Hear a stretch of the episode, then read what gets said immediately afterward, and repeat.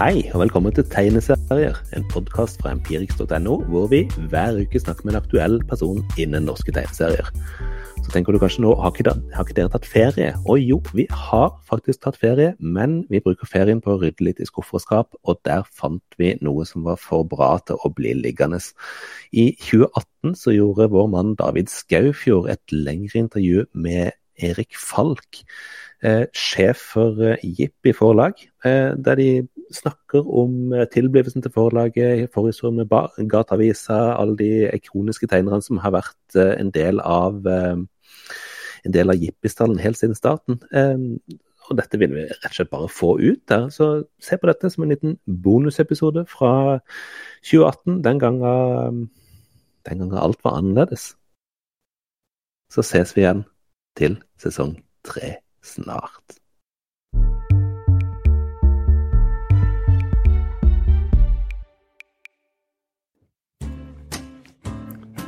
Hei sann, og velkommen til Empirix lyd, en podkast presentert av Empirix, hvor vi i hver episode snakker med og om folk i det norske tegneseriemiljøet. Dagens gjest er redaktør og starta Jippi forlag i 1997. Forlaget har spesialisert seg på utgivelser av lengre historier, og er hus til noen av de viktigste norske serieskaperne de siste 20 årene. Blant utgivelsene finner vi Forresten-antologiene, og serieskapere som Jens Styve, Øystein Runde, Ida Neverdal, Sigbjørn Lilleng, Ronny Haugland, Thomas Falle Eriksen, Christian Hammerstad, Jason, Bjørn Ausland, Anja Dale Øverby, Inga Sætre osv. Vi skal snakke med mannen bak det hele, om forlagets reise, om hvordan det starta, og om hvordan man driver serieforlag i 2018. Velkommen, Erik Falk. Takk, takk. Hyggelig å være her. Du, hva driver du med for tiden? Nei, Nå er det jo like før jul og skikkelig innspurt med utgivelser. Vi har to utgivelser som uh, kom fra trikken i dag. Uh, Sigbjørn Lillehengs nye bok uh, 'Nagel' og. Tim Tvedts bok 'Tegneserier'. Ja. Er det en instruktiv bok om hvordan lage tegneserier? Nei, det er vel uh, snarere en relativt uh, formeksperimentell sak om uh, tegneseriemediets uttrykkspotensial, tror jeg. Ja, nettopp. Så det, er, det, er, det, også julegaveanbefalingene dine fra Jippi i år? I aller høyeste grad. så går det nok til litt forskjellige målgrupper, men ja. julegaver er det bra som. Mm. Ja. Du også, jeg sitter her med, med nyeste Forresten, også, den serieantologien med diverse serieskapere. Nummer 32. Uh, det stemmer, gjør ikke det? Jo, 32. jo 32. Det er uh, helt, helt, utrolig ja. med 32 utgaver av uh, Forresten, så, så Altså Den første utgaven kom vel ja, Vi ga jo ut to nummer av Forresten før vi starta Jippi, så da ga vi ut sammen med Gateavisa. og, og sånn hvert nytt nummer har jo vært litt sånn wow, ble det enda en til? Altså I starten så er det sånn tre og fire og fem. Og det, klart da, det var litt wow, uh, og så blir det sånn mer og mer wow, og at det nå ja. blir uh, blitt 32, det er nesten helt utrolig. Men, men hvor, hvor, har dere utgitt jevnt, og er det i hvert fall årlig de siste årene? Ja, men vi starta jo med hefteformat, ja. og, så, og da var ambisjonen to nummer i året. Uh, og det fikk vi til sånn nesten hvert år, men ikke alle årene. Uh, og så for et par år siden så begynte vi med bokformat isteden. Ja. Dobla sideantallet og tenkte at da tar vi én gang i året ja. også. Og så ble det farger inn i og mer sånn stilig ja. helhet og sånt. Så det har vi vel nå gjort uh, fem-seks ganger. Mm. jeg tror jeg kom om bord på Jippi nummer fem, eller noe sånt. Nei, Jippi forresten nummer fem. Uh, jeg, tror, jeg mener å huske at det var noe Jarle Grinde, Svendtveit. Uh, Ja, de serier, var mye med i starten. Ja. Hva skjedde med de? Er de Ja, de er jo ikke så, så aktivt produserende serieskapere, men ja. Sven Tvedt tegner i hvert fall fortsatt. Ja. illustrerer. litt ymse steder. Kommunal rapport, litt lærebøker og, mm. og litt sånn. jeg tror han har litt sånne ambisjoner om tegneserieprosjekter også, men blir innhentet av hverdagen. Ja. Det, det, skjer jo. mm. eh, hvis vi går tilbake til helt til starten, den første, første forresten, Den var utgitt i samarbeid med Gateavisa. Jobba du i Gateavisa, eller hvordan kom, hvordan kom, du inn der? Nei, det var uh, Jens Styve og, og jeg. Uh, vi hadde vel uh, erfaringer med å gi ut fanziner, tegneseriefanziner, egentlig gjennom flere eh, flere år. Og hadde samarbeida litt om noe tegneseriefanziner, og så hadde han gitt ut sine egne ting, og jeg hadde gitt ut mine ting. Og så tenkte jeg at eh, nå begynner vi liksom å bli så bra at vi må øke, øke på litt. Få bedre trykk og bedre spredning og, og sånt. Og så så vi ikke helt hvordan vi kunne klare å få til det på egen hånd. Eh, så da måtte vi få noe hjelp. Og Gateavisa hadde jo en del år før drevet og gitt ut uh, diverse sånne tegneserieting. Kristoffer uh, Nilsen blant annet? Ja, Kristoffer Nilsen var jo sentral i det, og flere av disse litt sånn gamle undergrunnsfavorittene. Og egentlig helt fra tidlig 70-tall så var det jo mye tøffe tegneserier på Gateavisa. Uh, Hvilke andre serieskaper var det vi hadde i Gateavisa på den tiden der? Ja, forut for dette Ja, Bob Horn var jo en ja. sånn særing, og Terje Nordli Nordberg på 70-tallet var jo en stor eh, serieskaper. og eh, ja, Håkon Isaksen, som nå er sånn tegneserieredaktør, julehefteredaktør, han var jo innom uh, der, og Valdemar Hepstein hadde vel vært innom så vidt. Sånn, så ja. de hadde jo en, egentlig en ganske sånn stor tradisjon, da, både med sånn Gateavisas tegneserieekstra, og så hadde de sånn et hefte som het Psykose, som de hadde gitt ut en del eh, nummer av. Jeg hadde også så vidt vært inne i eh, et av de bladene en gang. Eh, men, men eh, da var det, på, det tidspunktet så var det noen år siden sist Gateavisa hadde drevet med tegneserier. Så tenkte vi eh, kanskje vi skal teste, teste der, så slipper vi å administrere utgivelse selv og bruke deres eh, eh, distribusjon og, og, sånt noe da, for å få, få, ting ut. da, Slippe å legge ut uh, for det selv. Dette var jo før uh, det var så mye sånn kulturrådsstøtte å hente og, og sånt noe ja, vi så vel ikke helt at vi kunne klare å fikse det sjøl. Men var, var, det på dongerinivå med sånn uh, kopimaskinen til en uh, onkel som jobba på kontoret, eller var det ordentlig trykk de første ting, fanzinene dere ga ut? Eh, fanzinene var, det var litt begge deler. Uh, men alt av sånn trykkegreier og sånt nå har jo blitt veldig mye billigere og, og smidigere de siste åra, så vi måtte typisk gjøre sånn kopimaskinvarianter, eller sånn eh, Den uh, fanzina som jeg holdt på mest uh, med, var en som het Kraftig kost. Da, da brukte vi et sånt hustrykkeri som Uh, hvor de som jobba der, uh, gjorde det svart. da. Så, uh, så,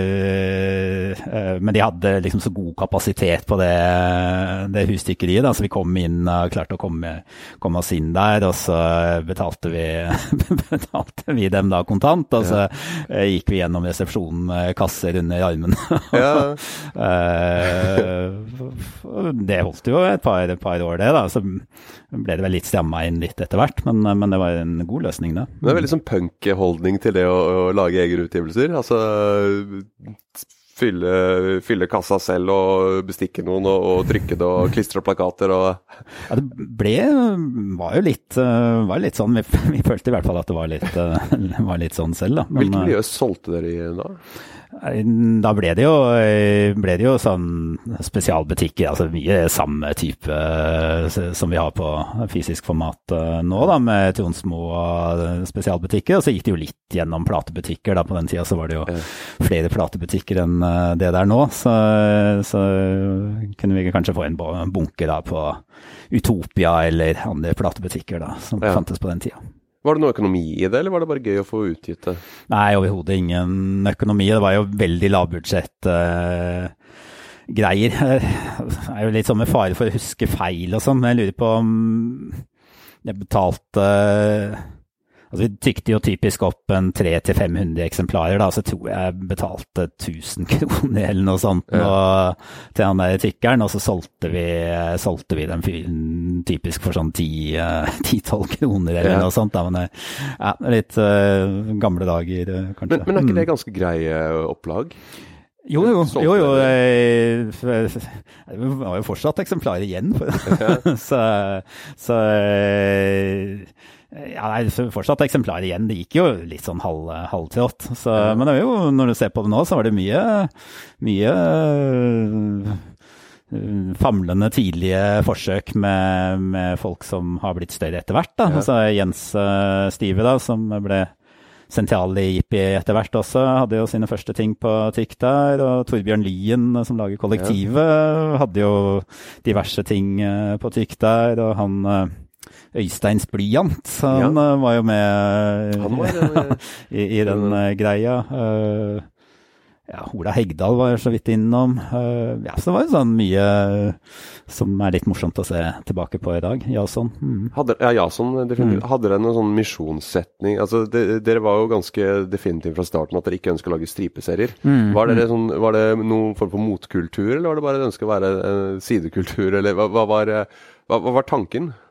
Ja, da vi starta, starta Jippi og Forresten og sånn, så var det veldig sånn Jeg tror de fanzinetingene, så var det nok mye, mye bare sånn tegneserieentusiasme og skaperglede og, og, og sånt. Men uh, etter hvert når vi starta Forresten og Jippi, så, så, ble det jo litt sånn ideologisk ja. uh, på historiefortelling og, og sånt noe. Og det var kanskje Eh, der man var på den tida også med For da hadde Pyton eh, begynt å, å, dale litt, og så ble stripeserier sett på som, eh, som det store da, for tegneseriemediet, så alle pensa inn på, på stripeserier. Og da følte vi at det var behov for for et sånt mot, mottrykk på det, da, med tegneserier som historiefortelling og utdype karakter, jobbe mer med karakter og, den type ting. Ja, det var en del stripe, stripetegnere som, som uh, kom ut av Pyton i den perioden der. Blant annet uh,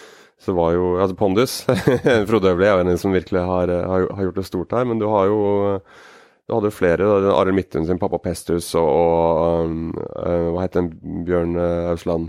Signe Pingen. Signe Pingen ja, ja. ja, ja. så var flere liksom i det i, i, i, det landskapet der, da, som var sånn åpenbart eh, kalkulerte forsøk på å skape, skape, noe som kunne selge. Da. Noen hadde sittet på, på, et kontor og så funnet ut at det, dette er måten å tjene penger på. Da får vi til en type serie som kan gå i mange aviser og treffe litt bredt og sånt, og så kan det bli mye penger av det. Og så kom det veldig mange eh, som så veldig sånn litt sjelløse og kalkulerte ut eh, fra utsiden, og spesielt når det kom så mange Uh, mange samtidig, da. Og I hvert fall vi som sto litt på sida av det, syns jo at uh, det ble litt sånn patetisk. da, Syns det var litt håpløst og framsto som litt sånn ja, sjelløs og veldig konstruert. Det er jo mange av disse serieskaperne som åpenbart mistrivdes med, med, det kravet på seg til å fortelle en vits eh, hver dag. Ja. At det, det var, var, ikke det man hadde lyst til å gjøre, egentlig. Så det virket som en sånn uh, tvangstrøye uh, som var ukomfortabel. Altså, og, og, sånn fra utsiden så virket det veldig gjennomskuelig. Så, så fikk jo disse markedsfolkene rett til slutt. Altså, det viste seg jo at en av disse var, var, bærekraftig og en pengemaskin av mm. dimensjoner. Så, så, sånn sett så, så fikk de jo rett. Og så har vel eh, historiens slør lagt seg som et eh, mildt teppe over alle de andre. ja, ja. ja, men tror, tror, du, tror du Øverli Uh, altså, tror du Pondus kom ut fra et, et, et, ønske fra markedsavdeling et eller annet sted, eller kom det ut fra et ønske fra Eller kjenner du til historien der? Jeg, ikke. Nei, jeg, jeg, kan ikke detaljene, men uh, som sagt fra utsiden så, så, var det veldig påtagelig at det kom veldig mange ja, ja, som så veldig konstruerte ut. Mm. Uh, samtidig. Og så mm. er det klart at Pondus er jo et kvalitetsprodukt og med mye sjel og, ja. og sånt, og så han har jo puttet så mye av seg selv og energi inn i det at uh, men det har også kommet lengre historier i Pondus-universet senere, f.eks. en historie hvor, hvor Jokke møter sin far. og, mm, og mm han, han kom jo fra en lengre historietradisjon. så Pyton hadde jo lengre serier mm, også. Mm. Ja da, de var ikke så veldig lange, men, og de var jo veldig, var jo veldig gag-baserte eh, også, de litt Herbo, lengre. på knulleferie og hva ja, var den, eh, den Og mye sånn detaljer altså i den Mad-tradisjonen ja. Eh, med mye, mye, visuelle gags. Så men litt lengre historier var det jo i, i Pyton. Men hva var dine serier som du leste? Var det franske serier? Var det, var det en norsk serietradisjon du mm, til? Mm. Eh, ja, på den tida Vi har alltid vært opptatt av det som produseres i, eh, i Norge. Og da mm. var det jo på den tida det som var Pyton-generasjonen i litt tidlige, tidlige, år. da, Kristoffer Nilsen og Steffen ja. Kverneland og, og, sånt noe. Og så var det jo de franske, franske voksenseriene, da, som ble kalt, da, som skyldte inn på 80-tallet, og som ble liksom større og større med Tardi og Møbius og, og sånt. Og så var vi veldig inspirert av, av de amerikanske hefteseriene, altså Daniel Close og Peter Bagg og Charles Burns og, og sånt. Og så i den grad du kan si at Jippi oppsto fra et eller annet, så var det vel veldig sånne ting, da. Fantagraphics. Fantagraphics og Dwarner, ja, Dwarner ja. Portley, altså den uh, tradisjonen, da. Joe Matt og ja. Chester Brown og sånt. Var, var det, uh, hadde de liksom bana vei, hadde de vist at det gikk an å, å både lage ting man digga selv, men også få omsatt det, på en måte? Var det en jeg tror, jeg tror det. Uh, og de var jo også veldig på den historiefortelling-greia som vi prøvde å strekke oss etter. spesielt da Peter Bagg og Hate, som var sånn litt såpeopera i, i tegneserieform. da, som sånn karakterutvikling over mange hefter og sånt. Så det ble en slags eh, ideal. Og er det fremdeles? Jeg har jo lest, jeg vet ikke når de nyeste, siste, siste Buddy Bradley-tegneseriene, siste Hate Comics jeg leste, var vel fra 2014 eller noe sånt? Hvor ja, ja, de har blitt voksen? Ja, ja, det var morsom uh, Bo Melise har fått ja. unge og ja, ja, veldig gøy. Det var jo et par år hvor det ble litt sånn uinspirerende, eller uinspirert fra Peter Bagg, syns jeg, og ja. også de både de tingene han gjorde for hate, føltes litt, uh, litt uh, kjedelig. Også de mm. tingene han gjorde for øvrig, var sånn litt umotivert. Men det virket kanskje som han, han hadde familie og tenkte å tjene ja. penger og sånt, og så ble det ikke så mye sjel. Men de, de, tingene han har gjort de siste årene, så er det jo flere virkelige lys, ja. lysglimt. Og, men det der er interessant, altså hvordan man kommer tilbake. Man har et eller annet, og så mister man en periode, og så kommer man tilbake til det. Jeg har sett hos mange, mange serieskapere som også kan komme sterkere mm, tilbake. Mm, mm. Nei, jeg, jeg synes at jeg helt, helt deler en observasjon der med at Peter Bergen var superinteressant på 90-tallet. Mm. Kanskje ikke så mye på tidlig 2000-tallet, og så komme mm. tilbake og så Kanskje for man er i en annen livsfase selv og, og synes ja. det er gøy ikke bare lese som en ungdom som går rundt i Seattle og ikke vet hva han skal drive med, men, men en som har voksen Ja, funnet, funnet seg selv eh, litt igjen, ja, ja, og kanskje ikke altfor mye familiære forpliktelser. Sånn, Jeg vet ingenting om hans familieliv, altså, men det, Nei, det ser litt men, sånn ut. Men han, det, er vel, det, er vel, uttalt at, at Buddy-karakteren er en ti år yngre versjon av han selv. Mm, sånn er, mm. Det er den delen av livet han akkurat har rukket å reflektere over og savne, som han, som han bearbeider i, i, i de seriene. Men, men, eh, men um, når dere starter med å banke på døra til Gateavis eller ta kontakt da. Hvordan, eh, hvordan, eh, foregikk det? Bare Hadde dere et, et, et, produkt klart som dere viste de og spurte om de ville mm, produsere, eller? Ja, det var vel rett og slett eh, sånn. Jeg husker ikke om vi hadde alt klart når vi pitcha det, eller om vi pitcha først og tegna etterpå, men uh, jo, jeg tror vi hadde det meste, meste klart da vi, da vi, tok første møte. I hvert fall sånn gode planer, skisser på, på hvordan det skulle se ut. Ja. ja. Og uh, var de, var de um, Altså, de, de, er jo en kan, Har et ikke-kommersielt utgangspunkt, kan man jo si, men de er mm. altså en bedrift i det at de skal for sjappa til å gå rundt. Mm. Uh, men var, var, det et uh, riktig sted for dere å gå? Var det andre ting på blokka, eller var de helt sånn spot on? Jeg kan ikke huske at det fantes noe sånn plan, eh, plan B på det, så, så ja, jeg vet ikke hva som hadde skjedd hvis vi hadde, hvis vi hadde fått nei. Men vi fikk jo ja, da, så da, ja. da ble det jo sånn. Var, de var jo veldig positive og syntes det var veldig kult og ja. veldig passe. De hadde også sett at det var noen år siden sist eh, de hadde gitt ut tegneserie, og så vel på dette som en mulighet for å, eh, for å gi litt ny energi inn i gateavisa også. At det, det, var sånn gjensidig gevinst ved, ved en sånn eh, type utgivelse. Hvem var det som banka på døra da? Hvem var dere i stallen? Uh, det var mange av de som uh, var med sånn senere også. Så Ronny Haugeland og Roy Støpstad de hadde jo også gitt ut noen fanziner i uh, Kristiansand. Så det var på en måte tre, tre sånne uavhengige fanziner miljøer. da, En sånn Kristiansand-basert med Ronny Haugeland og Roy Søpstad. Og så Jens eh, som var sånn Bergens-basert, og så jeg, jeg, som var Oslo-basert. Da Da var jo Rune Borvik, eh, Fia Mia også, eh, også sentral. da. Så det var vel kanskje en sånn slags grunnstamme. Så kom jo Jason relativt kjapt inn som sentral tegner også. Hang Hang dere ut sammen, eller, eller eh, delte dere lokale, eller var det, var det, var det brevvenner, eller hvor, hvor umoderne var 90-tallet når det gjaldt kommunikasjon? Det var jo ikke noe Da vi starta, så det var jo da i 97 og Gateavisa 95-96. Da, da hadde nok ikke jeg sånn uh, e-post, uh, mail-greier. Uh, og ikke hadde jeg mobiltelefon. Jeg tror jeg fikk mobiltelefon i 2000. Det var litt sånn halvseint, men, men ja. Så ikke mobiltelefon, nei. Fasttelefon hjemme.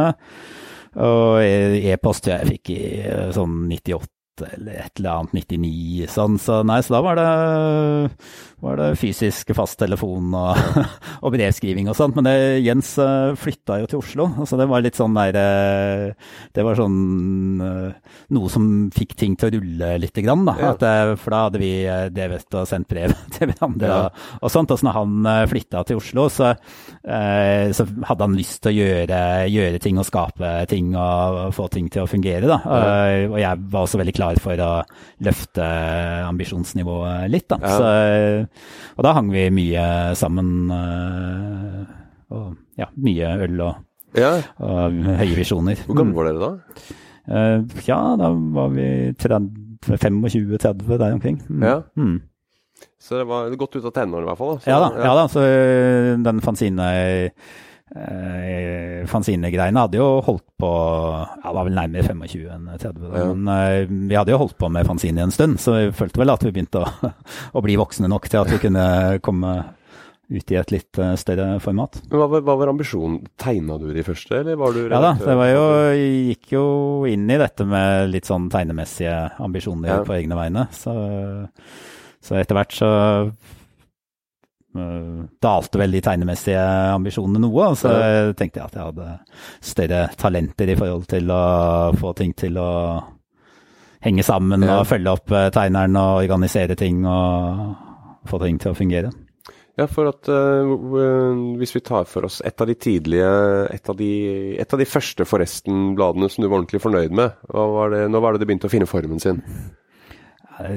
Det var nok det var en sånn jevn utvikling hele veien. Ja. altså Allerede forresten nummer én eh, har, peker veldig sånn klare linjer mot uh, hvordan det skulle bli mm. senere. Og veldig mange av tegnerne som ble med da i, over IPI og hadde egne hefter mm. og sånt, og de var med allerede fra, fra forresten nummer én. Så. Ja, la oss ta forresten nummer én, da. Hvordan, hvordan, kom du i kontakt med altså Du har nevnt Ronny, mm. Roy Sevstad, Jens K. Styve.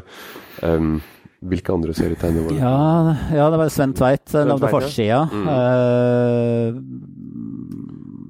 han, jo, han bodde jo også i Bergen, så han uh, hadde vært med i i de fanzinene sammen med, ja. med Jens. Så, så, han var det Jens som kjente, ja. Og, det er jo en massiv produksjon For når jeg er på siden deres nå, bare for å finne, for å finne opp forsiden, så er det sånn du skal bla deg ganske godt tilbake, for det er utgitt Vet du hvor mange utgivelser dere har lagd? Ja, vi har jo telling, da. Men jeg, nå husker jeg ikke helt. Men det begynner jo å dra seg mot uh, 200, da. Ja. Så 180 eller et eller annet. Mm. Ja. Det er jo imponerende, et imponerende korpus. Eh, det første, første, forresten hos Jippi, da, da, nummer tre, som jeg finner ja. her, som er mer en, den siste nattverden-forside, helt åpenbart av Svein Tveit. Mm, mm. eh, men forresten én så hadde dere da Dere hadde deres lille gjeng med tegnere. Ja. Som, var, var, det noen jenter med i begynnelsen, eller var det en gutteklubb? Uh, det, var mye, det var mye, det var mye gutte, gutteklubb, ja. Uh, det var en og annen jente, men det har nok blitt flere jenter etter ja. hvert. Uh, var, det noe, var det fordi at dere rekrutterte i vennegjengen, eller var det flere gutter som lagde denne type tegneserier? Nei, det må være det siste. Altså, ja. For det var jo, var jo de som tok eh, kontakt via ja. fanzinene og, og, og, og, sånn, som vi, uh, som vi ga ut. Og det viste seg å stort sett være gutter. Altså, som sagt, noen jenteslengere. Karine Haaland var med ja. i et nummer eller to. Gro Vik var med i et nummer eller to. Ja. men de første årene så var det nok mer sånn unntaksvis med, med jenter enn veldig mange. Mm. Um, men uh, når, når du, du, begynte å jobbe redaksjonelt, da, du, da du begynte å oppdage dine evner som, som, som forelegger og redaktør, uh, hvordan arbeidet du da med serieskaperne i begynnelsen? Kom de med ferdige serier på, på ark som du mottok, mm. eller uh, sendte de historiepitcher? Hadde dere noe løp? Ja, de første årene så, så, var det sånn veldig kollektivt. Da var det veldig mange som bodde i Oslo og sånn, så da hadde vi hadde vi typisk sånne eh, tegnemøter på søndag formiddag eller noe sånt, ja. noe hvor vi tegna sammen og så diskuterte ideer og viste fram hva vi hadde gjort, og så diskuterte eh, ja, historier og hva som funka, hva som ikke funka. Og, og, og, sånt. Uh, og av og til skrev vi historier for hverandre og, og, sånt, og så evaluerte vi veldig sånn i ettertid når ting var ute, og hva funka, hva ikke funka. Sånn, så det var veldig sånn kollektiv, uh, kollektiv greie. Og så, så butta vel det litt sånn etter hvert, da folk begynte å flytte litt og fikk forskjellige ting å gjøre, så da ble ikke disse tegnemøtene fullt så hyppig lenger. Uh, Hvor var disse tegnemøtene? De var veldig ofte Nei, de var, de var i et sånt eh, tegnelokale som eh, noen av tegnerne satt i. Så Jens Stive og mm, Tore Stian Olsen og Jason delte jo sånn tegnelokale, så, så da var vi ofte der. Jason, var han en del av uh, gjengen? Det tror du første jeg leste fra Jippi, var Jason-tegneserier. Ja, ja, ja. ja. Var... ja nei, han var jo med, men han var vel ikke med i de to første numrene men, av Forresten, eh, mens vi var i Gateavisa. Men så kom han inn i nummer tre, da. Og da var han med i Forresten nummer tre. Og så uh, ja, har han jo vært med siden, da. Da ble det jo uh, ble det jo ganske raskt da egne hefteutgivelser med de Mjau Mjau heftene. Så. 'Lomma full av regn', var det deres utgivelse? Eller? Ja, både ja og nei. Uh, men uh, den ble jo gitt ut på Tegn. Tegn var jo sånn ja, blad om tegneserier, ja. som jeg også var redaktør for en stund. Altså mm. før jeg ble redaktør, så jobbet jeg, jobbet jeg i redaksjonen der, da. og det var jo før Jippi og før Gateavisa og sånt, men da hadde og egentlig før det var noe særlig muligheter for å gi ut uh, ting. Så, og de som drev tegn uh, på den tida, hadde lyst til å gi ut tegneserier også. Uh, så da startet de en sånn tegnalbum som skulle være forlag som ga ut album. da. Og det første jeg ga ut, var Steffen Kvernland. Ja. Uh, 'Knyttede never', Jonas Fjell. Ja. Uh, så dette var jo før No Comprendo og, og sånt også. Uh, og så gikk det et par år, og så ble det lomma full av regn, da. og da var jeg mer aktiv med i tegn, så da fulgte jeg veldig opp, fulgte jeg veldig opp den utgivelsen og ble jo kjent med Jason på den måten. Så da ble, han, ble han med over i Jippi deretter, og liksom den tegne, tegnemiljøet. Mm. Var, um, for å tilbake til um, før jeg spora meg selv av på hvordan du, hvordan du, arbeidet med serieskaperne for å forme historiene. Var, var det moden frukt? De kom en ferdig historie, eller arbeidet du mot en form for reduksjonell eh, visjon eller profil? Eller, uh, hva var tilbakemeldingene dine? Nei, Det er jo eh, kjempeforskjellig fra tegner til tegner, og det er jo egentlig sånn det er nå også, at uh, hvert prosjekt er unikt. da, Tegneserier er litt sånn uh, litt sånn krevende å jobbe redaksjonelt med, da, fordi mm. alle har forskjellige uh, arbeidsmetoder og, og sånt, og spesielt ja, på sånn personlige tegneserier som det vi driver med, så, så, er det ikke så lett å styre. Altså I en sånn kommersiell tradisjon så kan du alltid mene at uh, måten å gjøre det på, det er å skrive ferdig historien 100% og uh, brekke det ned og så lage sånne tommelfingerskisser og se at alt legger seg ut på en god måte på gulvet, og at det er cliffhangers nederst til høyre og, og sånt. Og, og, når alt det er på plass, så kan du begynne å, begynne å tegne, men ikke begynne å tegne før, før det. Det er klart, teoretisk så er jo det, mm. er jo det riktig. Ja. Uh, men uh, jeg tror nok veldig mange av de tegnerne som jobber litt personlig, syns at noe går tapt. Da, hvis, du, hvis, uh, hvis, du har, hvis, du, jobber så mye på forhånd før du får begynne å tegne. Så, ja, så tror jeg mange tenker at de mister noe energi og mister noe glød på veien. Da, at at når du da kommer så langt at du begynner å tegne, så er du nesten lei. Da, og da blir det, blir det sånn pliktløp. Da. Og, og, så mister man noe, noe der. Så, ja, så det er veldig individuelt behov og, og sånt. noe. Faren ved å begynne for tidlig er selvfølgelig at, at ting ikke henger sammen. Da. Altså, har du tegna ja, tegna 20 sider, og så vet du ikke helt hvordan det, hvordan det skal slutte. da. Uh, så finner du ut at uh, hvis dette skal slutte på en god måte, så burde jeg egentlig lagt inn noe i starten som kunne ja. vise tilbake på det i slutten. Og så, og så, får du en historie som ikke henger på greip. da. Det er jo, sånn, det er jo egentlig nok av eksempler på på tegneserier som er litt sånn. Uh, Veldig mange. Jeg, jeg syns også da, uten at Eller det jeg syns er sterkt med, med Jippi, er at det er eh, med, med så langt med en 20 års fokus på historier, så er det kommet ut veldig mange gode historiefortellere ut av det. Mens eh, det er jo et, eh, sånn jeg ser på det, et sånn typisk tegneserietegner um, en, en typisk tegneserietegner tendens å skulle bare ønske å kaste seg på tegningen med en gang, før mm, man har mm. skrevet ut noen form for linjer. og Da dukker sånne ting opp som at oi, her skal jeg plante noe i, i første, første, akt, som jeg kaller det, som kommer fra TV-verden. Mm. Eh, at, at, det kan gå på bekostning av historiefortellingen, mens andre er, har en veldig sånn organisk tilnærming til det å, å skrive slash tegne historier. Men um, hvis du tar utgangspunkt i, i, eh, i Forresten 32 Jeg blar deg rett opp på Erlend Peder Kvam sin historie ja, her, f.eks. Ja, ja. Uh, den er jo, uh, for det første, jeg er veldig stor, stor fan av han og de derre uh, de um, serien hans. Det er vel veldig vanskelig å gi tilbakemelding på den type serier som er helt stream of consciousness og ja, følger ingen av uh, altså Måten å jobbe med en sånn femsiders historie på ja.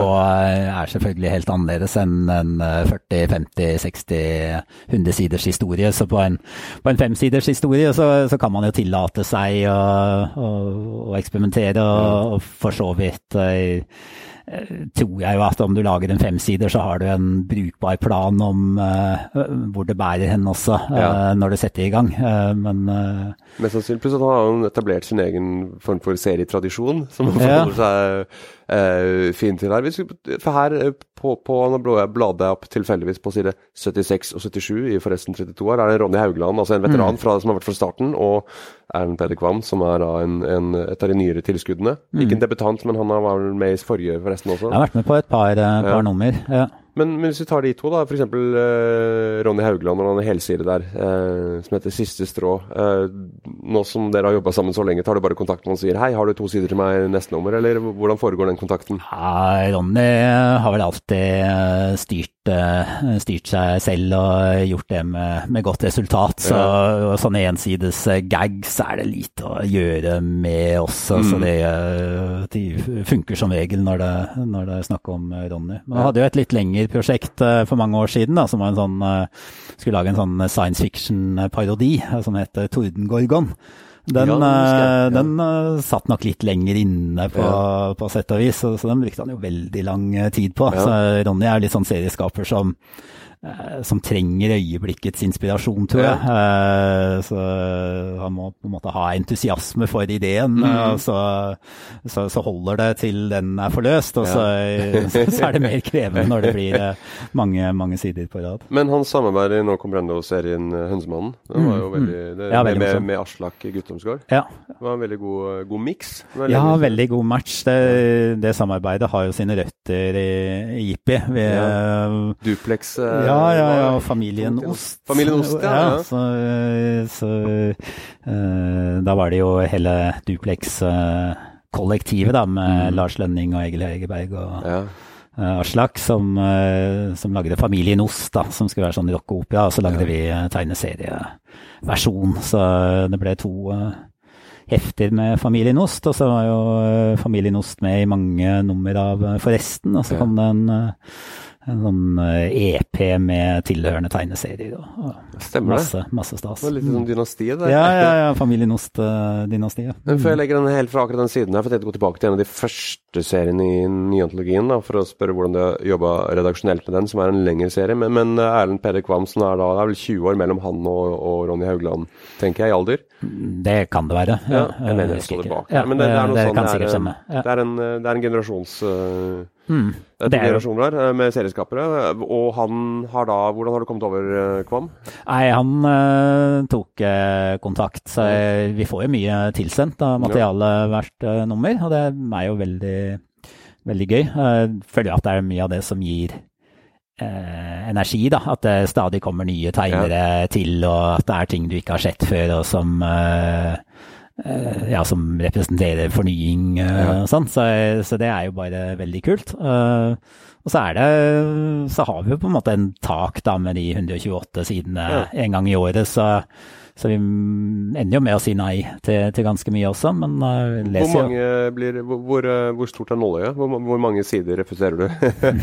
Nei, det er jo noen ting som er veldig langt unna, og så er det noen ting som er nær og, og, og sånt. Men for, er sikkert uh, like mye som ikke kommer på trykk, uh, Ja. som det som kommer på trykk. Uh, men som sagt, ganske mye av det som ikke kommer på trykk, er et stykke unna at det hadde at det hadde passert. Og så er det noen ting som er sånn nesten, nesten bra nok, da. Ja. Og da mm, det er jo det av sånn redaktørlivets mer krevende ting. Liksom si Ja. nei til eh, folk. eh, at det ikke helt bra nok denne gangen, men kanskje neste gang. Eh, og spesielt eh, hvis det er tegnere som, som har hatt ting på trykk før og sånt, nå, som, så, så er det ofte veldig eh, Ja, så litt sånn Betaler Vanskelig. du, betaler du tegnerne? Hva er økonomien i, i, i forlaget deres? Mm.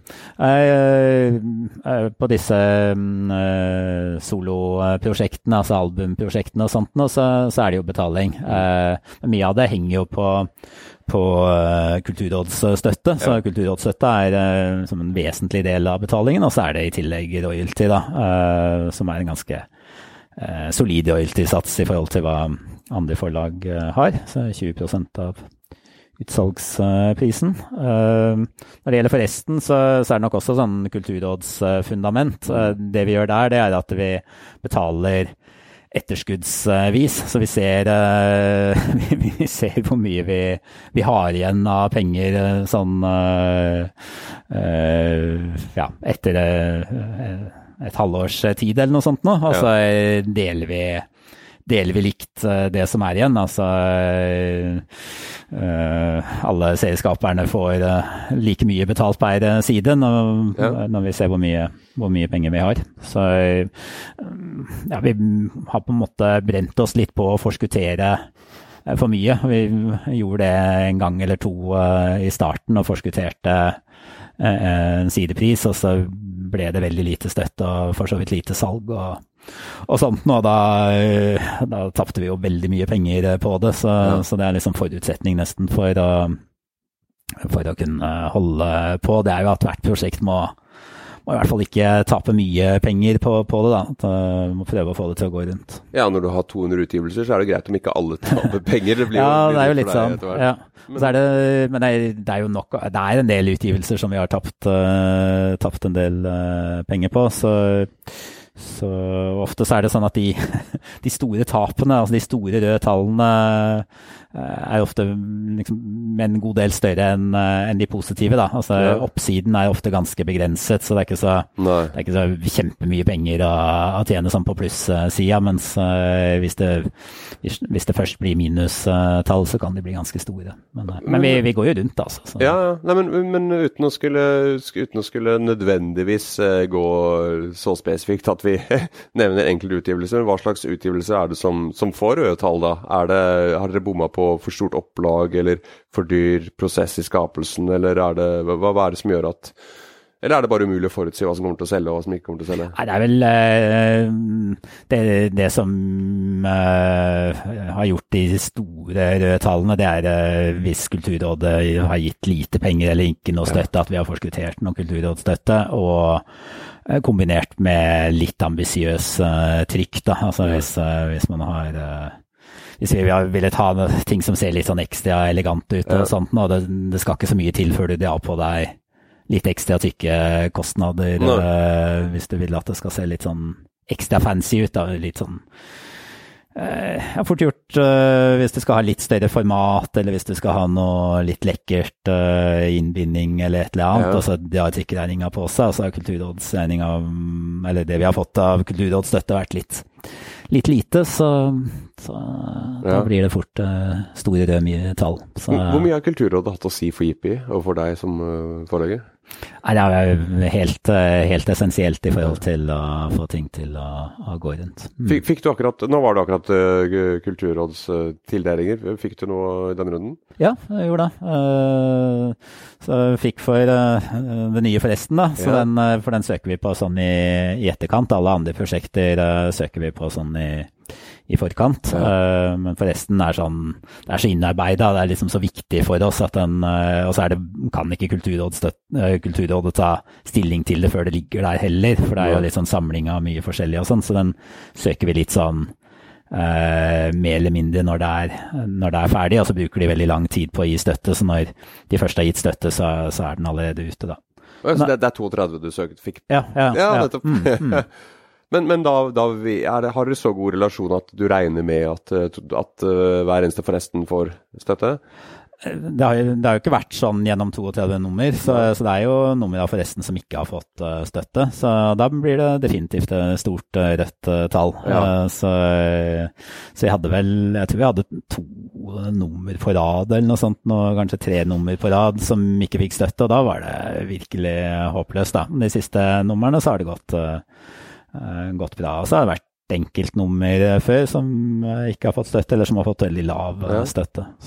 Men, men du, du, har jo du, du, driver jo dette på Er det, er det idealistisk basis, må man si, eller er det, er, det, det er et kommersielt Du jobber dagjobb ved siden av? Ja, så både Per, som jeg jobber sammen med på Jippi, og, og jeg har jo sånn vanlig jobb ved siden av. Mm. Ja. Uh, og, og da gjør det deg på en måte fri fra å måtte angst å tenke på økonomi i Jippi? Absolutt. Uh, ja, ja, selvfølgelig. Så uh, kan, kan, gjøre helt andre ting når, uh, når jeg ikke skal ha lønna mi inn på det. Så ja. det er klart at hadde jeg jobbet fulltid, så kunne man kanskje ha generert mer salg og sånt nå også, ja. men, men det å kunne gjøre redaksjonelle uh, vurderinger uten å tenke på at uh, lønna avhenger av det. Det gir selvfølgelig ja. stor frihet. Hvordan samarbeider du og, og Per i det daglige? Nei, vi har jo tilfeldighetene, det har ikke alltid vært sånn, men tilfeldighetene er slik at vi har Vi jobber ikke så veldig langt fra hverandre, så da er det kort vei å, å møtes hvis det er noe. Ellers er det e-postutvekslinger om, uh, om, ting på ja, egentlig flere ganger om dagen, uh, stort sett. Uh, ja. Fordelingen er jo at jeg følger opp prosjekter og jobber redaksjonelt og skriver ja. alle brev og, og, og sånt nå. og skriver med ja, pressemeldinger og, og, alt sånn. Og så tar han økonomi og praktisk logistikk og, salg og pakker konvolutter og, sånt. Så, veldig verdifull bidrag i, i helheten. Mm. For det, var deg og, og Per Jørgen Olsen og Jens K. Stive som starta mm, det. Mm, ja. Eh, er Jens K. Stive i, i Jippi um, på eiersiden eller på hva skal det, uh, administrasjonssiden, eller, han, eller, utgjør han bare serier der? Han har bl.a. en, en reiseskildring i Nyst, forresten, mm, og noen mm. dønsblader. Ja, reiseskildringen jo, eh, ble jo først laget for Empirix. Faktisk, så, ja. så, hadde Jens eh, lyst til at den også skulle finnes tilgjengelig på, på papir. Så, ja. så, da kom den inn der.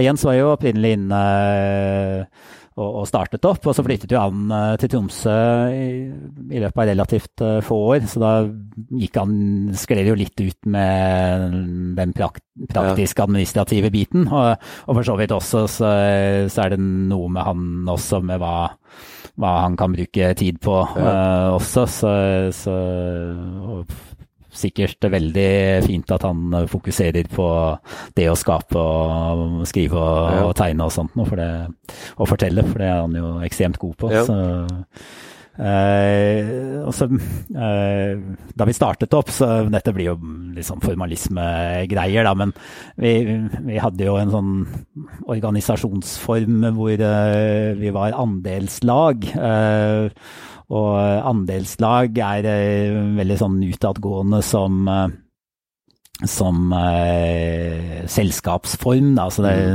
eh, så mens vi var andelslag, så gikk vi nok litt sånn under radaren, men det er en selskapsform som du egentlig ikke kan, kan ha lenger. Så, så, vi måtte rigge opp og, og eh, starte aksjeselskap, da, som er liksom det, man, det, som man nå må ha. Eh, så det gjorde vi for et par, eh, par år siden. Uh, og da, uh, da, var det bare Per og jeg som på en måte gikk inn på den administrative, biten på det, da. Siden det tross alt var vi som har drevet med dette da, de 15 siste årene. Nei, ikke, det innebærer det for så vidt ingen annen forskjell enn at, at det har endret Ja, det er vel ikke akkurat børsnotert, og det gir jo ingen avkastning heller, selvfølgelig. så så det er bare en ren formalisme. Men da, da er ikke Jens lenger inne på men hvordan er det å, å, drive forlag i 2018? Altså nå er Det jo det, det er jo ikke det, er jo ikke det trykte medium som, som, er mest i vinden eh, om dagen. Eh, er det, hvordan, hvordan, er det, rett og slett? Hvordan har endringer vært de siste 20 årene? Mm. Det har skjedd mye på, på 20 år, eh, selvfølgelig. Uh, de første årene så var jo bare det å få ting ut uh, en seier i seg selv. Uh, å få ting på trykk og få vist fram ting var en seier i, i, seg selv. Mens etterpå så har Etter to utgivelser så er det kanskje ikke den det kicket nok?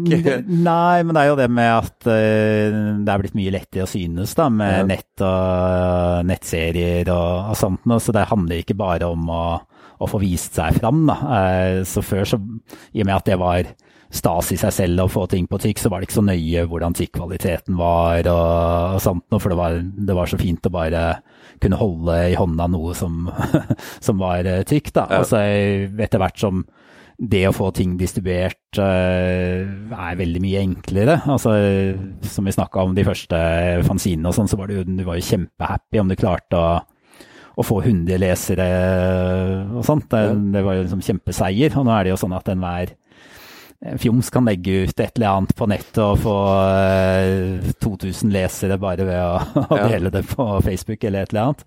Så, så det er helt annerledes, da. Og da, den overgangen så, så blir jo hvordan det fysiske formatet ser ut, veldig mye viktigere. Da. At ja. det fysiske formatet må må ha en merverdi utover å bare vise fram uh, hva det er.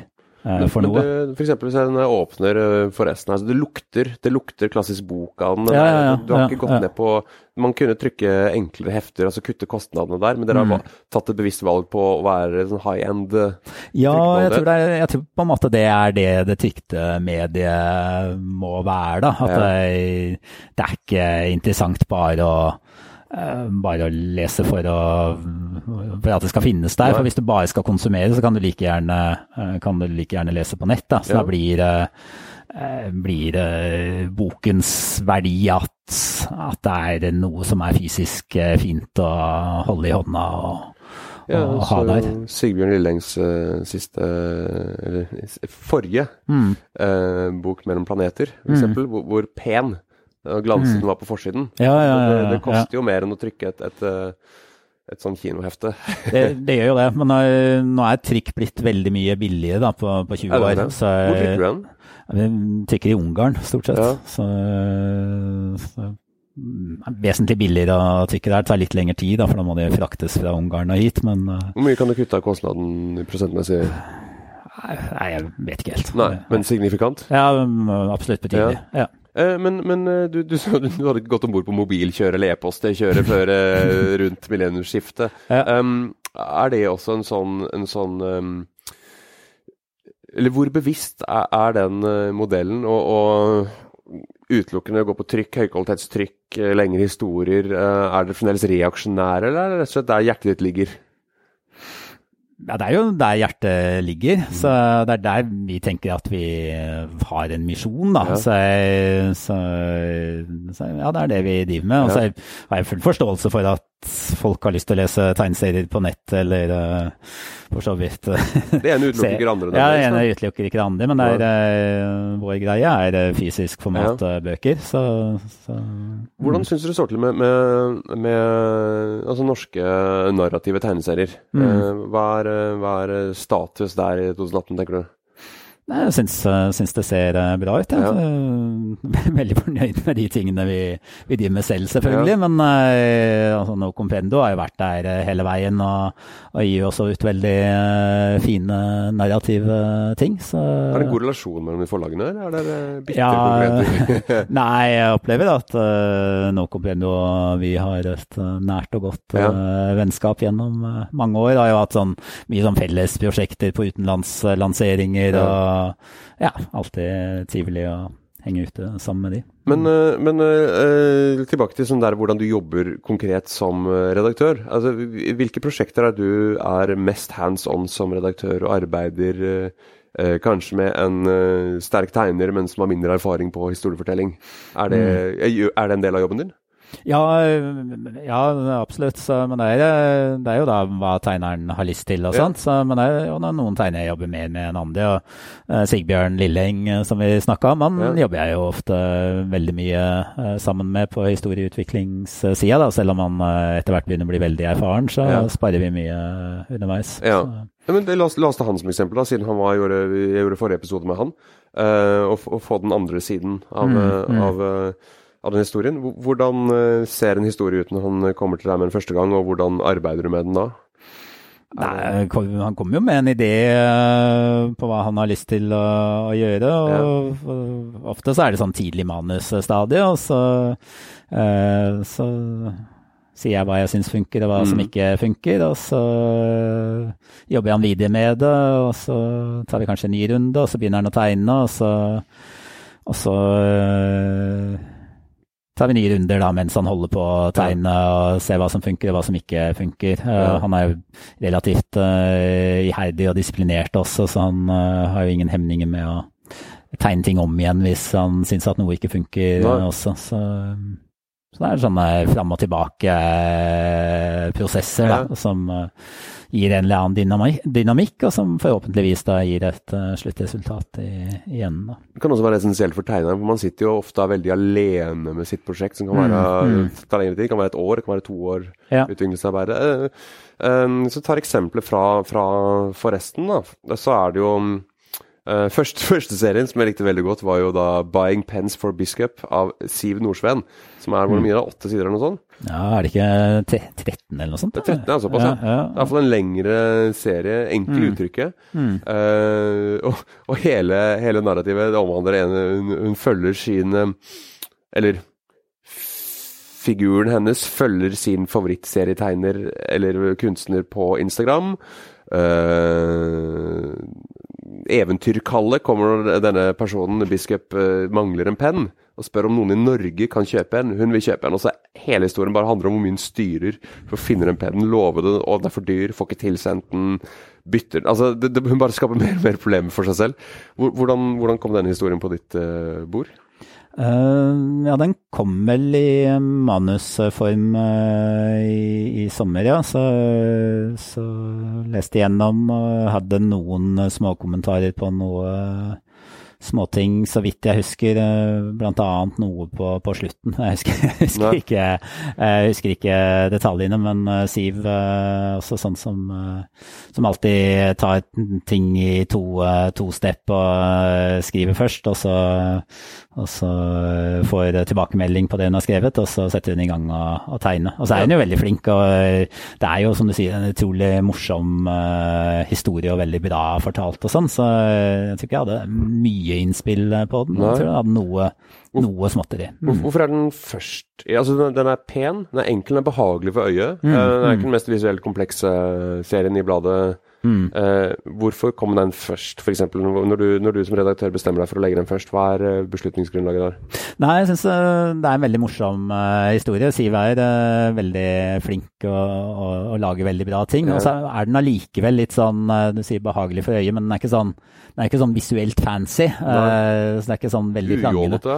Litt sånn ujålete, ja. ja. Så, så, det er ikke sånn visuelt fancy. Og så syns jeg at ja, historien er veldig sterk, så jeg hadde veldig lyst til at at uh, folk skulle lese den, da. Uh, og faktisk få med seg uh, alle poengene og få liksom den derre drivet i historien. da. Ja. At det er så alle de tingene som står i veien og, ja. og, og sånt. Og så jeg var litt redd for at hvis den ble plassert helt sånn midt innimellom andre ting som var mer støyende og sånt, og så kunne det ta bort den ja. energien i historien. Så jeg hadde lyst til å ta den først, da, for å du følger jo opp med en, en uh, Hamsun-tegneserie tegnet av Martin Ernstsen. Mm. Ernsten, er det sånn du sier det? Ja, ja. Jeg skulle si Ernstsen, men så var det sånn ja. S6 der. Uh, som er rett og slett uh, litt Også litt sånn dvelende. Det er et mm. uttrykk fra mm. Hamsun, det er fra På gjengrodde stier. Ja. Um, som er en, en, to Nå skal jeg telle her, for jeg påstår hvor mange sider det er. En, to, tre, fire, fem, seks, sju, åtte ja, det er, det er, mange sider. den, den, den, tar seg uh, god tid uh, som Og den er, mal, er den malt?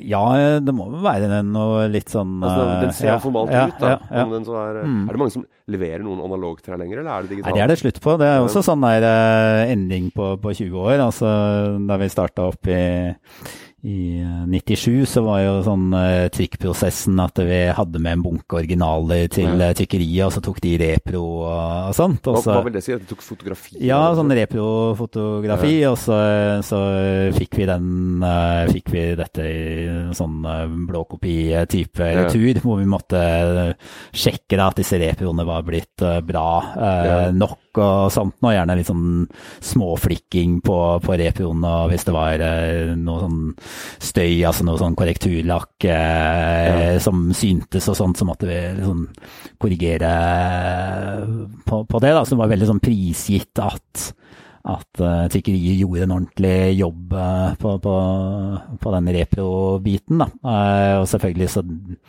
dreiv jo det kostnader også, ja. at de da måtte gjøre seg den umaken. Og originalene da i, i sånn fri flyt, for du måtte levere de fra deg og, og sånt noe.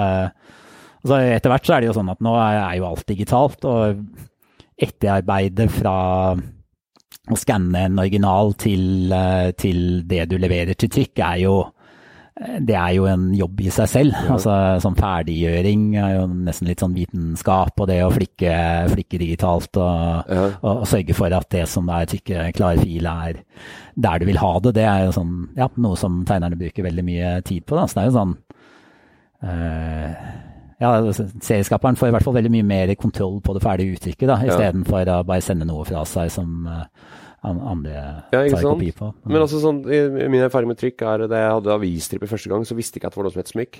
Mm, mm. Så jeg sendte inn RGB-tegneserier, og mm. da jeg så det på trykk i Aftenposten første gang, så var det jo bare en smørje hvor det svarte har blitt trykka tre ganger og oppå hverandre, og umulig å lese teksten. Altså fysisk umulig å lese teksten hvis du hadde gjort en dårlig. Eh, hvis man har malt en serie og har, en og har en font i svart. Er det du eller tegneren som går inn og separerer, eller hvor, hvor skjer Nei, Stort sett så har eh, tegnerne alt, uh, så de leverer ferdig fil. Så, ja. så jeg, Praktisk for din del, da? Ja, veldig greit, men det er uh, sånn noe mm. Noe må man må, må la andre gjøre, så jeg, jeg jobber ikke med den biten. Hvor, hvor, ja, jeg er litt sånn søt, den der Hamsun. For han er, jo, han er jo karakteren her, og han går rundt og blir anklaga for å være landssviker og skjønner ikke helt uh, hva han har gjort galt. og Eller sånn, sånn jeg leser ja. det. Ja, det, er, det er håp for han uh, Hamsun. Han skriver morsomme historier. Ja. Regner med å bli oppdaga etter det nummeret her, forresten. Uh, Martin holder jo på med holder jo på å lage Sult. Han holder jo på å lage tegneserieversjon av Sult. Ja. Så, så, dette er litt sånn, litt sånn biprodukt av, av, å jobbe med Sult. Så han har jo holdt på i, i mange år med, med, Sult, så den kommer jo til neste år. Så det blir jo veldig spennende.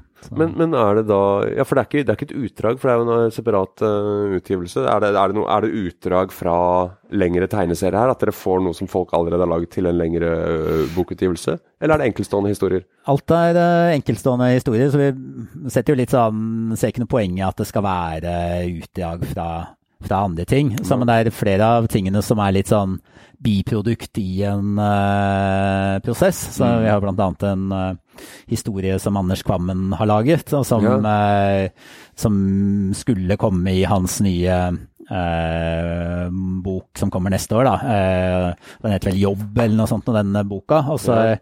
Eh, hadde han en historie, den boka skal bli en sånn samling med korthistorier, og så hadde han en historie som han ikke helt følte passet inn i helheten uh, for øvrig. Og så kommer den her da isteden. Så det er et slags ja. lite sånn biprodukt av, uh, av uh, den boka han holder på med. Og den historien er jo liksom knallbra, det var bare at den ikke helt passet inn i, inn i den store helheten. da. Vi snakker om Tysklandsturen. Ja, Tysklandsturen. Ja. ja. så det er, veldig, det er jo, altså, Anders er jo en strålende historieforteller. så... Ja. Det er litt sånn slektskap til gamle Kristoffer Nilsen-tegneserier. Eh, Sort-hvitt og litt Ja, ja da, det, han har nok hørt det før. Men jeg ja. syns han har en veldig egenartig uttrykk også. Så, ja. ja. definitivt. Mm. Uh, men uh, du ser jo um, Ja, og så er det da oh, um, Thomas Palla Eriksen. Ja, ja. Som også har flere utgivelser hos dere nå. Ja, det er jo helt uh, utrolig. det må være norgesrekord i produksjonsløp. Han har gitt ut to uh, bøker hos oss i år på, med, på 180 sider uh, hver. Hexagon og ja. Squidology. Uh, ja, han, han, er jo så, så presis som tegner. Mm. Hvor, altså, hvordan, hvordan, får han det ut i 360? Det er en side om dagen uten helg før året jeg, tror, jeg tror han har lagt seg opp litt på forhånd, altså. Ja. Men et, vanlig som produksjonshastighet er jo fort en side om dagen. Jeg tror nok han kan komme opp i, i to, men noe særlig mer mer er jo knapt nok mulig. Så, så, noe av det er nok ting han har samlet opp uh, over tid. Kommer Jippi eh, til å utgi noe på, på, iPad, eller forholde seg til at bransjen er i endring, eller er dere liksom uberørt av det? Nei, ingen planer om det. så nei, Det er som vi snakka om, at uh, fysisk uh, format er det vi driver ja. med. og og tror på. Mm. Uh, hvordan, eh, for du har noen debutanter i siste, forresten. Ja. To. Men vi fokus på forresten her nå. Jeg syns det var ja, ja, god, ja. godt kasus. For du har jo mange enkeltstående utgivelser også, også, men her samler du opp uh, nye og gamle serietegnere. Mm. Hvor finner du de, de, nye? Er det utelukkende at de tar kontakt, eller er du på utkikk?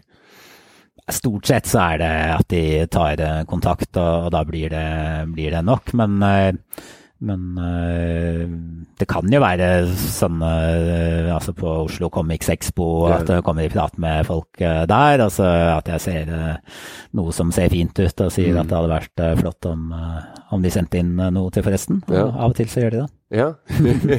eh, tips til eh, unge eller uetablerte serieforfattere som ønsker å komme inn i Forresten. Hva er, det, hva, er du, hva er det du ser etter?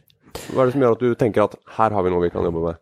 En historiefortelling og, og litt egenart uh, er uh, i hvert fall uh, gode ting. Og så er det faktisk det å, å starte i, i, Forresten som er et godt tips også. Vi får jo mye sånn prosjekter tilsendt også, og noen som, som, starter er ekstremt ambisiøse. De har sånn der 150 siders epos, altså de tenker at det er det de har i seg. da, At de skal lage en sånn 150 siders historie. Og jeg skjønner jo det at det, at jeg lyder veldig gøy. Men det å, å, tegne 150 sider, i hvert fall hvis du skal gjøre det på siden av andre ting, da, hvis du er i jobb eller studerer eller et eller annet, så, så tar 150 sider ekstremt lang tid. da. Uh, og, og, også hvis du ikke har måtte, gjort det før, altså hvis du ikke har mm. laget så mange tegneserier før også, så, så, så, er det kanskje ingen dum idé å øve på litt mindre uh, formater. da, ja. Så kanskje lage noe til forresten som er en sånn ti sider, uh, og få sånn uttrykket til å sitte og få historiefortellingen til å flyte, og, og liksom se at, at, man har det inne. da. Uh, så jeg, jeg, tror i hvert fall det er et uh, godt tips. da, Begynne med litt uh, mindre formater, uh, sånn fem til ti siders historiefortelling. Ja. Og så kan man heller bevege seg oppover på de litt lengre historiene etter hvert, når både uttrykk og, og, og streken sitter? Ja, ja, ja, ja, strek og uttrykk, og også historiefortellerrytme og hvor du er hen og sånt noe. da. Du, en ting er jo om du i det hele tatt kommer i mål da, med sånne litt store epos, som mange opplever at når de først setter i gang, så tar det bare vanvittig tid. Altså, men gjør du det på siden av alt annet, så kan da en sånn 40-50-60 siders uh, sak uh, fort ta mange år. Mm. Og, og, hvis du da er i litt sånn uh, formativ alder og sånt noe, så Eh, så er du et helt annet sted når du slutter ja. enn uh, da du starta. Og så uh, kommer du da til siste side, og så ser du at den ser helt forskjellig ut fra, fra side én.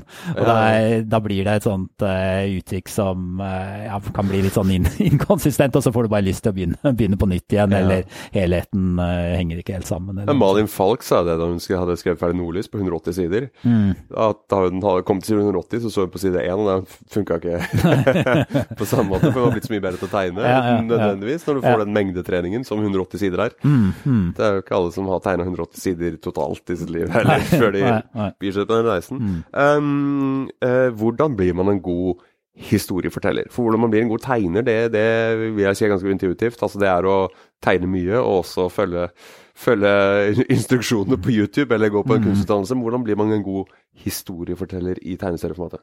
Mm. Jeg tror ikke det er så veldig mye unikt med, med tegneserier og historiefortelling. Selvfølgelig en del sånne grep uh, som finnes i, i, tegneserier, og ting du kan gjøre som, uh, som funker i tegneserier, som ikke funker andre steder. Da, som, og det som ja, som skjer mellom rutene, og hvordan rutene settes opp og, og sånt. Så det, så det, er en del sånne form, formting. Men, men, ellers er det jo de samme dramaturgiske grepene i, som funker i tegneserier, som, som, det som funker i andre fortellende medier. Da. Film, og, film og litteratur. Og det finnes jo ikke så mye sånn spesifikk litteratur om, uh, om tegneseriehistoriefortelling, men det finnes jo tonnevis av uh, litteratur om å skrive film og, ja. og skrive bøker. Og, det er en industri som er ja, ja, Men det finnes jo noe som er sånn altså The Writer's Journey, eksempel, av Chris Bogler, som er en god bok om å fortelle en enkel mm, historie, mm. eller en kompleks historie. Mm. Uh, 'Understanding Comics' av Scott McCloud er vel sånn, noe som blir uh, Noe fortellende grep, men det er nok mer sånn spesielt, ja, sånn mer visuelt. Så jeg Anbefaler du noen bøker til noen hvis de kommer og har en eller annen form for gryende talent? sier du 'les denne boka', eller bare sier du 'skriv mer, les mer'?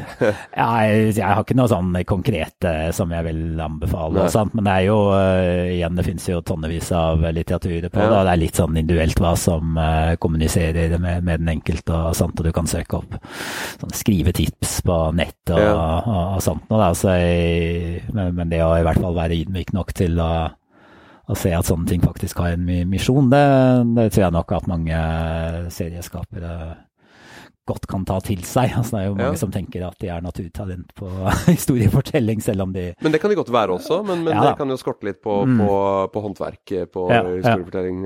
Ja. Eh, eller eh, andre medier har kanskje mer konsekvent strengere krav til historiefortelling mm, enn nødvendigvis mm, tegneserier. For da mm. kan du lene deg på et godt visuelt narrativ uten ja. alle underforliggende mm, historiebjelker på plass. Da. Men, um, men uh, for eksempel uh, Nå da holder du deg oppdatert på tegneserier. Og, og, og, og, før jeg spør om det, faktisk. Den der gamle ølstua dere hadde i 95 når dere holdt på i starten med at dere satt og ga hverandre feedback. Var det et hardt og brutalt og kompetitivt miljø, eller var det oppfordrende og vennlig? Oppfordrende og vennlig, tror ja. jeg trygt kan si. Ja. Savner du det kollektivet? Altså, eller har dere det nå digitalt? Har dere egen Facebook-gruppe eller et eller annet hvor dere Nei, det er blitt en veldig stor spredning, uh, så, så, men det funka da. Så er for så vidt helt greit at vi ikke er, jobber akkurat på den måten lenger nå. Men det mm. fins jo da for mer uetablerte, eller også for etablerte, f.eks. Tegnemandag i ja, Andreas Iversen og Ja, riktig. Ja, altså det, ja. Mm. Lilleøen, som jeg tror er ja. initiativtaker Det er ikke helt sikker på, men de, de er i hvert fall aktive i det der, og, og hvor tegnere og, og, forfattere møtes og, og prater. Ja. Så fins det noen forum Vet du om noen andre forum enn det? Som, hvor folk Nei, jeg kjenner ikke til. Nei. Men, uh... Det skal være noe på Grafil faktisk nå i desember, hvor det er noe sånn um, I regi av Øystein Runde, tror jeg. Speeddating ja, mellom, ja, ja, uh, mellom serieforfattere og eller serietegner og manusforfattere? Ja, vi, vi, gjorde jo eh, Vi hadde én sånn variant av det, faktisk, i Forresten en gang. Ja. Uh, fant ut at vi skulle Det var mens vi hadde hefteformat, da. Mm. Begynner å bli mange år siden. Men vi, vi, tenkte vi skulle lage julehefte. Så det er eneste gangen vi har prøvd oss på julehefte. Uh, nei, for da kjørte vi en sånn uh, Ja, det var nærmere blind date enn mm. speed date. så vi sa at uh, folk kunne liksom, uh, plassere seg inn i historiefortelling eller tegneblokken. Ja. Og, så, og så trakk vi hvem som kunne samarbeide uten at vi visste på forhånd. Så mm. fikk man en sånn blind date på, på tegneseriemakeri da, med helt sånne uvante konstellasjoner. Det var egentlig ganske morsomt. Det kom mye litt sånn gøy ut av det. Jeg skulle ja. lage jule, julehistorier. Ja, ja. Miksa opp eh, tradisjonelle modellen litt. Ja, ja. Eh, det, er det juleheftet ute for salg? Hvor, hvor, kan man kjøpe Jippi-tegneserier? Har du en bunke hjemme som du sender ut? Ja, vi har jo en, eh, vi har jo en nettside altså på jippicomics.com. Ja. Der ligger jo alt, eh, alt, vi har gitt ut uh, mulig å kjøpe. Altså, det er mm. noen få titler som er utsolgt, men det aller meste har vi, har vi noen X igjen av. Og der er det for så vidt ikke bare Jippi-ting, men også noen av de gamle fanzinene, ja. Eh, kraftig kost og, og, sånt noe for opprinnelig pålydende pris. Ja. Og ja, masse, masse, snacks hvis man jobber seg gjennom. Hvor stort er det lageret ditt? Vi, vi, har, eh, vi, har, eh, vi har egentlig to lagre. Så vi har en kjeller, en kjeller på Tøyen. Ja. Og så har vi et litt sånn større fjernlager på Kløfta. Uh, og så har jeg i tillegg Per, som er den som eh, håndterer disse bestillingene. En del hyller hjemme, uh, ja. som er sånn nær, nærlager som han ekspederer bestillinger ut ifra. Ja. Så da sjonglerer vi uh, eller han, uh, bøkene fra fjernlager og nærlager på Tøyen og hjemme hos seg selv, sånn at dette går rundt på en god måte. Ja. har dere noen gang drømt om det utenlandske markedet? Ja da, i aller høyeste grad. Så så vi var jo litt sånn uh, halvpionerer på det med Jason. Uh, så det var jo Han hadde jo lyst til å prøve å få litt internasjonalt gjennomslag, da. og disse Mjau Mjau-heftene, så begynte han vel i Mjau Mjau nummer fem. Det var vel det første som var helt uten tekst. Uten tekst ja. Og, og, så lagde han jo et par hefter da, som var uten uh, tekst, og da uh, prøvde vi å distribuere de heftene i USA, da. Så det er vel eneste gangen vi har hatt sånn distribusjonsavtale utenlands. Men det var jo viktig for at han skulle få den kontrakten med Fantagraphics og sånt, at de heftene fantes tilgjengelig på det amerikanske markedet. Da. Vi tapte jo penger så det sang av den uh, distribusjonen. Ja, for den distributøren betalte jo aldri og sånt, men Det ble svindla, eller? Ja, svindla svindla, men vi fikk i hvert fall aldri noe penger. Så, men han distribuerte hefter, og de vant vel pris. og Det sto jo sånn Fikk jo sånn fin omtale i Comics Journal at yeah. det var den mest innflytelsesrike hefteserien på slutten av 90-tallet eller et eller annet. Så var sånn, ble, fikk jo mye oppmerksomhet, da. Men, eh, men øh, det kom jo aldri noe penger. Men det var helt sånn essensielt i, i forhold til at han fikk den dealen på, på Fantagraphics, og det åpna jo øh, markedet veldig for han, da. Ja. Så det er eneste gang vi har gjort akkurat sånn. Men ellers så prøver vi jo, når vi er litt sånn utenlands på festival og sånn, så prøver vi å vise fram uh, ting vi har eh, laget, og så ja. få en avtale om oversettelse. Da. Det er ikke kjempemange ting som har blitt oversatt, men en og annen ting sånn opp igjennom har det jo blitt. Uh, mister du, eller dere, serietegnere som dere fostrer opp, når de kommer til større uh, forlagshus som kan kanskje betale bedre eller forskuttere eller um, ha sterkere økonomi, rett og slett? Det, det har jo skjedd, og, så noen uh, har gjort det, og andre har blitt værende, så, mm. så Bjørn Øsland er hos dere nå, blant annet? Etter ja, før i hvert fall. Så, så vi har gitt ut flere bøker. Ikke med Siggen og Piggen? Ikke med Siggen og Piggen, Nei. så det var litt sånn morsomt, da. Fordi ja, han var jo en av de som begynte med disse stipe scenene som vi nok syntes var litt sånn halvkonstruerte. Og Siggen ja. og Piggen var nok litt uh, Framsto som litt konstruert. Uh, og litt sånn kjerneeksempelet, stjerneeksempelet på hva vi var mot. Så, ja. så kom man jo tuslende til oss med, med en sånn barnetegneserieprosjekt som også var litt sånn eh, Eh, veldig fjernt fra hva vi holdt på med på den tida. For da utga vi bare hefter og kom rett fra gateavisa og sånn. Og så kom han med sånn eventyralbum som var Mumle gåsegg, da. Og så, så, var det jo veldig bra, da. Ja. Så, så, tenkte vi at vi må jo bare, vi må jo bare gi det ut. Og, så, og det var et sånn lite vendepunkt, da, for det var det første albumet vi ga ut. Og ja, først i farger og Pastell, var det det? Eller var det Nei, ja, det, det, var vel mer sånn malt teknikk. Men ja. det, det endte jo med tre sånne eventyralbum, da. Og alle de tre eventyralbumene har jo litt sånn eh, visuelt eksperimentell eh, stil, hvor ja. han har både jobbet med fargeblyanter og, og litt gouache og liksom tøyd, tøyd seg selv, da. Altså, ja.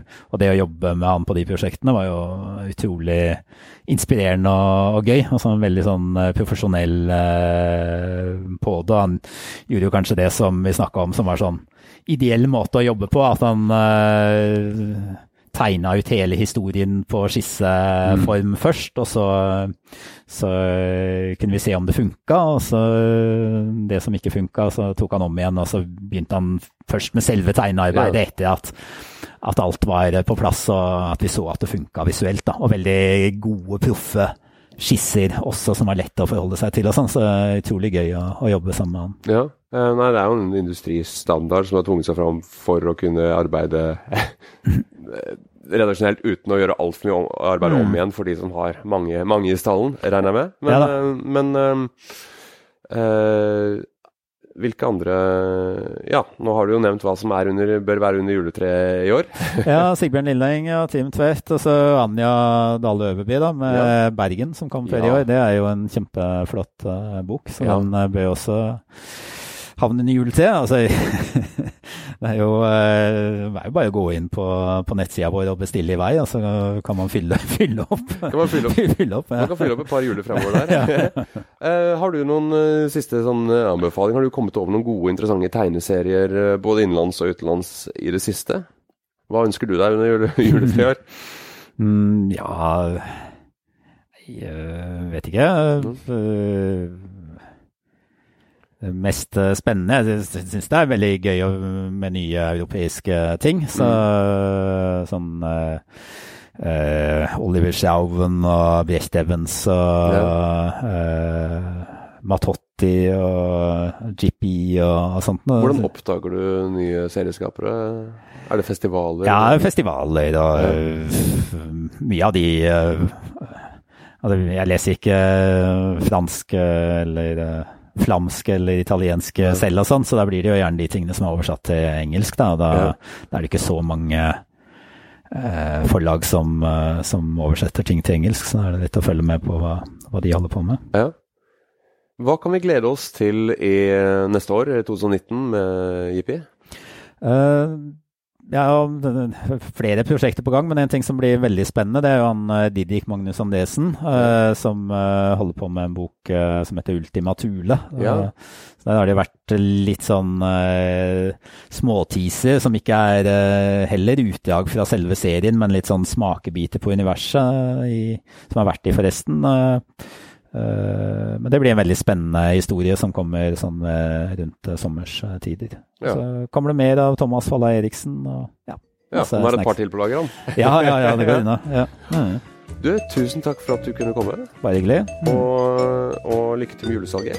Jo, takk, takk. da er det bare å gå inn på, for de som da ønsker å se katalogen, så er det jippicomics.com, og da finner du også kontaktinfo hvis man sitter på en liten 5-10 siders tegneserie, kanskje ikke 150, som man ønsker å få.